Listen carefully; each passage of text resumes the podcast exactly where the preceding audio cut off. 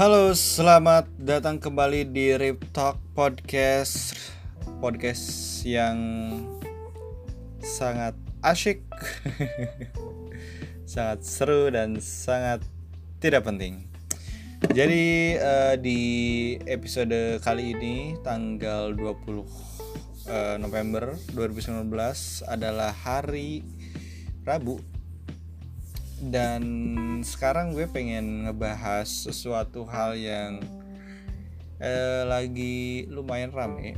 Dan karena gue ngikutin jadi eh, gue terbawa apa ya suasananya.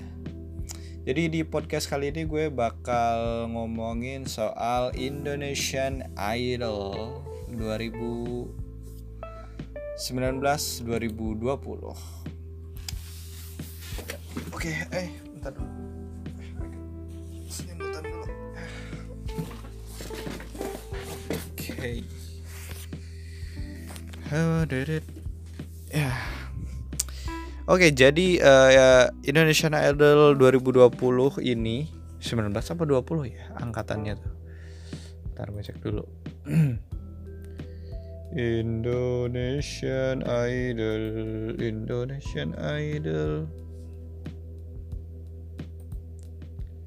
dan aku pun oh iya jadi yang benar adalah Indonesian Idol 2020 Indonesian Idol 2020 tuh uh, udah lumayan lama awal startnya. Sekitar uh, bulan udah berapa bulan ya jalannya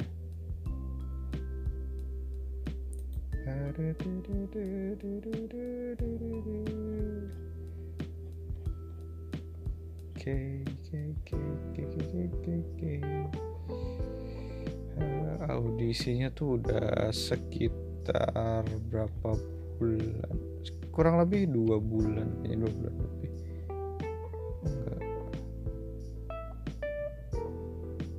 Episode pertama tuh satu bulan. Oh ternyata baru satu bulanan yang lalu ya. Itu uh, sekitar awal-awal Oktober dan sekarang udah uh, masuk ke babak spektakuler show dan udah uh, eliminasi satu orang peserta yaitu Della.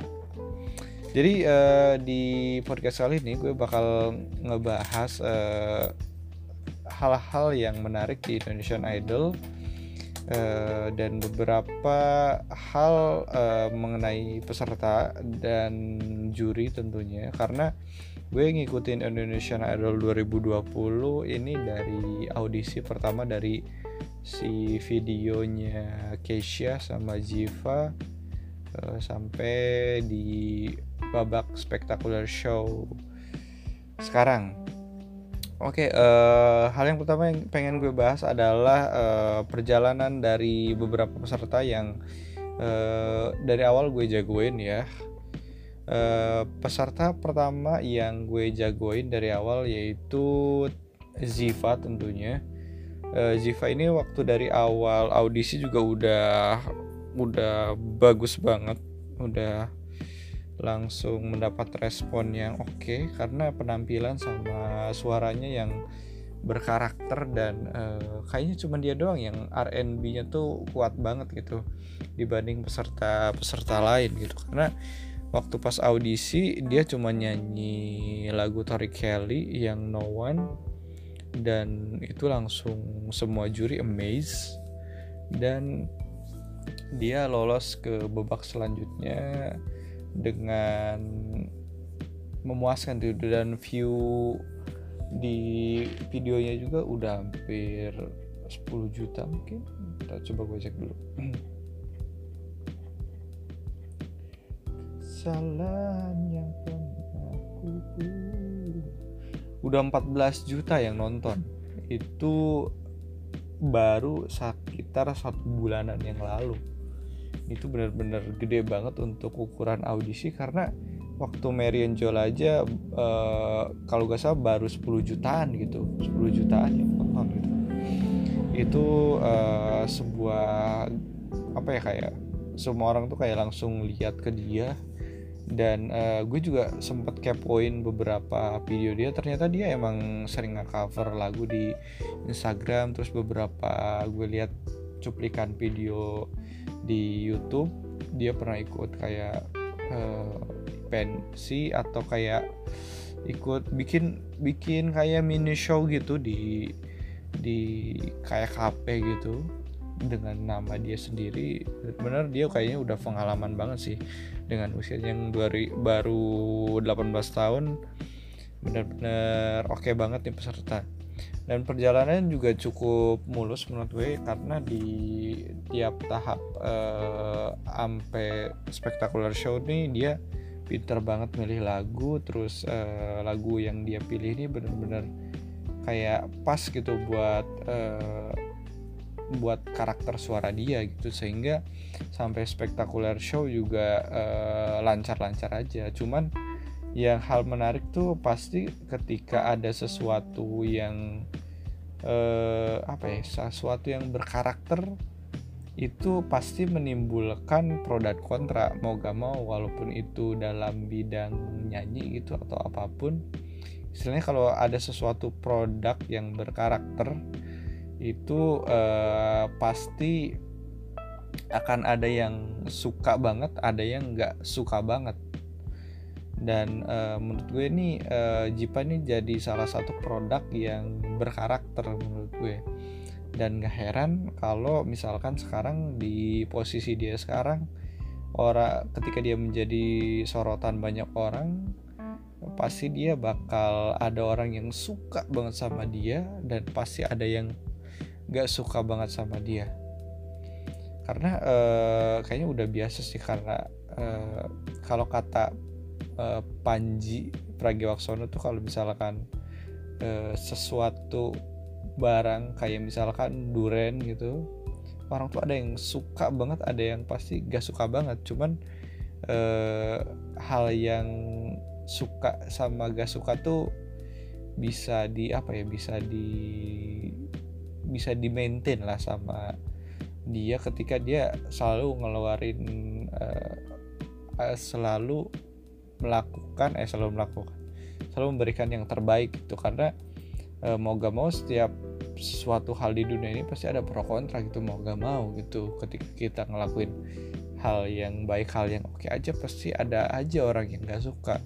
Entah itu dari sisi personal atau uh, non personal. Kadang orang tuh gak suka gara-gara orang lain juga gak suka sama dia. Jadi dia tuh cuman ikut-ikutan biar uh, apa ya ikut ikut ikutan doang gitu. Kayak misalkan orang ini ngelakuin kesalahan A gitu.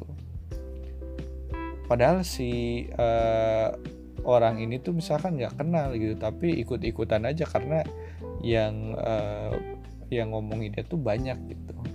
Dan dia tuh ngerasa apa ya kayak ngerasa uh, ingin mencurahkan uh, opini dia gitu dengan suka hati karena ada namanya kebebasan berbicara gitu. Dan ketika banyak orang yang ngomong hal yang sama dia juga ikut-ikutan juga gitu biar uh, ngehujat gitu atau ngasih kritik ngasih komen gitu. Padahal kalau misalkan emang uh, kurang istilahnya tidak ada terlalu kepentingan di situ ya mending lu gak usah gitu. Daripada lu cuman buang-buang waktu lah gitu. Dan uh, peserta kedua uh, oh by the way dia kemarin dapat standing ovation dari Bunda Maya dan Judika ya ketika dia habis membawakan lagunya Reza Artamevia uh, yang berharap tak pisah Oke, terus uh, peserta yang kedua itu yang jadi favorit gue sekarang tentu aja Tiara ya. Karena Tiara ini waktu dari awal bener-bener gue gak gak expect gitu bakalan sebagus ini gitu karena waktu awal juga dia diselamatinnya pakai titanium terus hal yang waktu gue bikin apa ya eh, bener-bener yakin sama uh, performa dia tuh ketika dia bawain lagu ini lagunya uh, Agnes Monica gitu. Pas Agnes Monica wow anjir. Ini keren banget nih. Ini tiap lagu apa aja bisa dimakan nih. Terus karena tipe-tipe suara dia tuh tipe-tipe suara komersil banget ya. Terus uh, komersilnya tuh gimana ya kayak Rai, orang kan sering bilang suara dia tuh kayak Raisa penampilannya kayak Isyana. Menurut gue suara dia tuh yang bener kayak Raisa cuman kalau looksnya tuh dia ya original bukan kayak Isyana. Kalau dari tipe-tipe suara mungkin dari teknik ya kayaknya dari teknik ya dari teknik nyanyinya aja yang bikin dia tuh jadi terdengar Raisa gitu. Padahal karakter suaranya nggak nggak mirip gue. Dan uh, perjalanan dia tuh rate-nya tuh naik terus. Dari awal yang nggak dijagoin terus perlahan dia nunjukin naik terus naik terus naik terus. Dia pernah nyanyi lagu uh, ballad. Dimakan nyanyi lagu yang uh, rame juga dimakan. Bener-bener kayaknya paket komplit sih ini Tiara nih kalau mungkin di season yang lalu Merin Jola ya. Merin Jola eh enggak enggak bukan Merin Maria mungkin Maria. Kalau sekarang uh, Ziva Ziva tuh kayak Merinnya tahun lalu lah kayak gitu.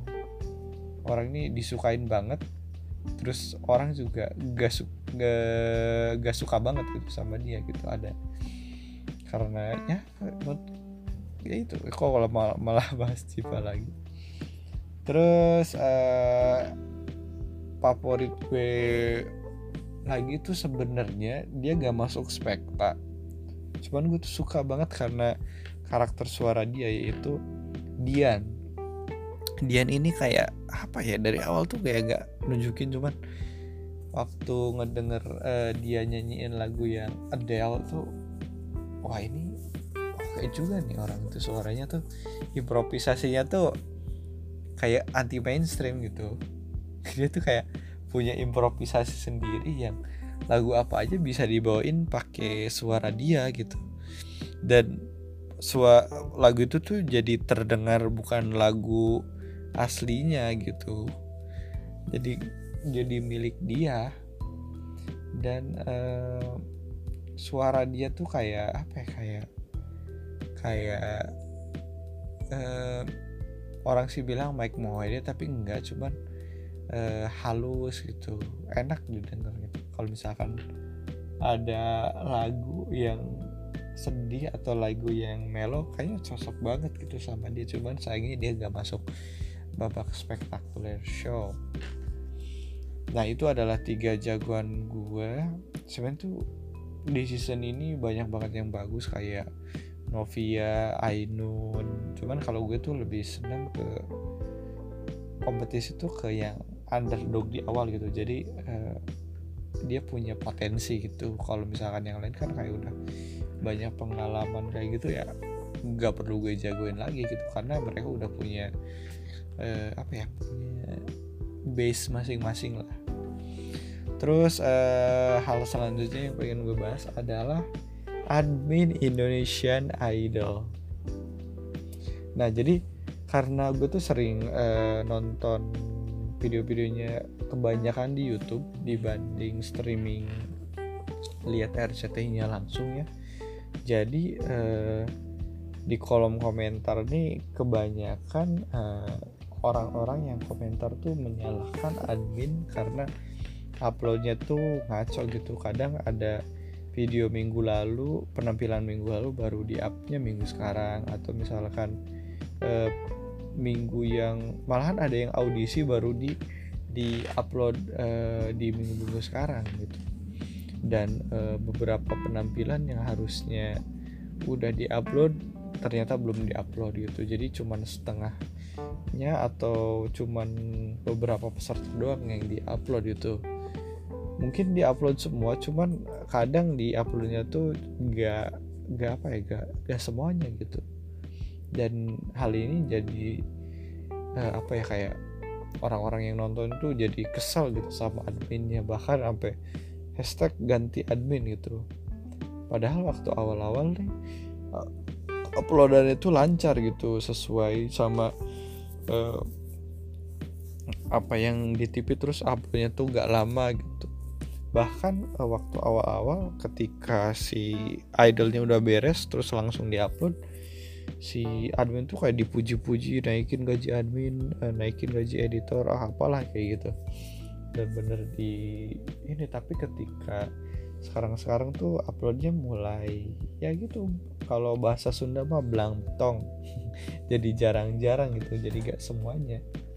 Cuman yang uh, jadi concern gue menurut gue ya kenapa adminnya bisa seperti itu menurut kesotoyan? Gue mungkin orang-orang yang di YouTube ingin uh, supaya mereka tuh bisa nonton uh, langsung gitu uh, siaran RCTI-nya karena seperti yang uh, apa ya televisi mau ya semuanya pasti balik lagi ke rating. Karena ya namanya juga TV gitu pasti yang dikejar tuh pasti ratingnya dulu gitu. Ketika lu lebih uh, cenderung untuk nonton di YouTube pasti TV-nya agak apa ya agak pengurangan gitu. Ketimbang uh, kita nonton langsung buat uh, nonton uh, RCTI-nya gitu.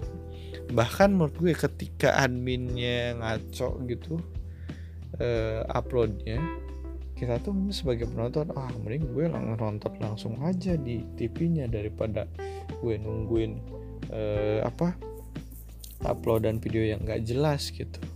Karena uh, mungkin lo bisa nonton cuplikan tayangan yang udah tayang di akun reuploader cuman tetap aja sensasi nonton di akun official sama di akun abal-abal nih kayak ada perbedaan gitu ketika lo menggunakan yang original dan ketika lo nonton di area uploader tuh ada sesuatu hal yang membuat lo apa ya kayak ada yang kurang gitu. Bahkan ketika lo udah nonton berkali-kali di re-uploader pun ketika yang aslinya baru upload lu pasti nonton lagi di di channel aslinya gitu. Karena mungkin sumbang si penontonnya tuh beda gitu ya. Ada ada sesuatu yang memang ada experience yang kayaknya kalau pakai yang asli ini emang lebih enak gitu lebih nyaman gitu. Karena mungkin di akun-akun reuploader gambarnya mungkin nggak jelas mungkin audionya kurang juga gitu dibanding yang original gitu yang akun officialnya. Terus uh, bahasan yang mau gue bahas selanjutnya adalah soal juri gitu di akhir-akhir ini atau mungkin di beberapa dua episode terakhir lah gitu banyak banget uh, netizen yang menyalahkan kualitas para juri gitu. Bahkan beberapa orang yang nonton mungkin baru nonton atau apa ya gitu yang baru ngikutin gitu banyak banget uh, yang komentar oh, ganti aja jurinya jadi Agnesmo uh, ganti uh, apa ganti aja Bunda Maya ganti aja Mas Anang ganti aja Judika gitu uh, orang-orang yang kayak gitu menurut gue tuh orang-orang yang nggak ngikutin perjalanan idol gitu di season ini karena menurut gue dengan adanya kelima uh, juri ini mungkin talenta-talenta yang uh, di season ini nggak bakal tersaring dengan oke okay. dan menurut gue di season kali ini tuh dibanding season yang lalu ini persaingannya ketat banget cuy. Ini bener-bener eh, kayak apa ya kayak kalau misalkan di sebuah pertandingan eh, apa ya sepak bola yang kesebelasan tuh ini line upnya line up pemain papan atas semua. Karena kualitas dan pilihan para juri di season sekarang nih menurut gue tepat banget gitu. Bahkan ketika spektakuler show uh, cuman ada beberapa peserta yang uh, emang ya kayaknya pasti bakal keluar duluan lah gitu. Dan sisanya semua sisa pesertanya tuh pasti bakal susah banget diprediksi yang bakal keluar lagi gitu. Karena kualitas yang emang pilihan juri ini. Dan uh, banyak banget uh, kayak orang-orang yang nyalahin juri gitu. Karena uh, mungkin terlihat juri itu kayak memihak ke satu peserta gitu dan kayak terlalu memuji-muji pesertanya gitu cenderung kok ini kayak anak kesayangan juri banget gitu? Dan menurut gue ya ya gak apa-apa gitu karena eh, balik lagi ke Indonesian Idol sendiri. Kan Indonesian Idol formatnya tuh kompetisi yang dinilai berdasarkan pot ketika juri mengomentari atau misalkan mempunyai eh, anak kesayangan lah gitu. Let's say gitu ya anak kesayangan gitu.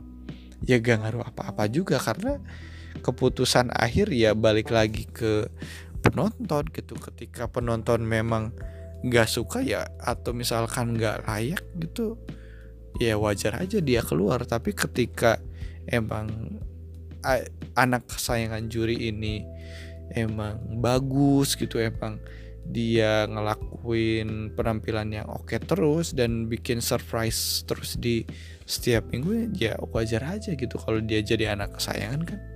Logisnya ya kayak gitu. Cuman yang emang e, menurut gue hal yang apa ya yang aduh yang kesel tuh emang kayak gitu yang orang-orang e, cuman nggak ngikutin dari awal gitu. Ngomentarnya tuh ah ganti aja nih Bunda Maya sama ini ganti aja sama uh, ini cocokan Ahmad Dhani misalkan cocokan Agnes Mo cocokan uh, bla bla bla gitu. Dan aduh ini tuh juri yang nemuin mereka semua loh. Ini tuh talenta talenta yang oke punya tuh ya kelima juri ini yang yang nentuin sampai sekarang gitu. Dan uh, kontribusi kontribusi itu ya patut diapresiasi menurut gue karena eh, balik lagi juri ini nih bener-bener yang emang ngeaudisi yang nyaring yang tentuin yang ngelolosin juga. Ya harusnya ya oke-oke aja gitu dengan idol sekarang gitu. Kalau misalkan lo berharap datang juri lain ya mungkin datangnya jadi juri tamu aja gitu. Kalau misalkan ya ganti menurut gue ya gak mungkin juga. Dan uh, kalau misalkan disi, dilihat di sisi marketing ketika hal ini hal sesuatu rame gitu misalkan jurinya ngelakuin apa gitu dan ternyata bikin rame ini bahkan malah jadi sebuah keuntungan gitu buat juri atau peserta atau misalkan Indonesian Idol sendiri karena bisa berarti acaranya ini sukses gitu membuat orang jadi uh, ketarik buat uh, ngikutin Indonesian Idol gitu. Dan Indonesian Idol di 2020 ini seperti gue bilang tadi kualitas pesertanya emang gokil-gokil dan oke okay banget lah itu oke okay banget pas banget gitu. Komposisi line upnya tuh kalau di sepak bola nih the best team gitu the best team all star. Cocok banget. Oke paling uh, gitu aja di podcast uh, Ripto kali ini. Uh, cukup inilah cukup beberapa hal yang uh, gue bisa ungkapkan. Gue sih berharap podcast ini bisa gue upload di YouTube ya supaya ya mungkin ada satu dua orang yang eh apa ini? Gitu. Jadi dengerin deh. Oke gitu aja di podcast uh, gue kali ini. And see you again. Next bye bye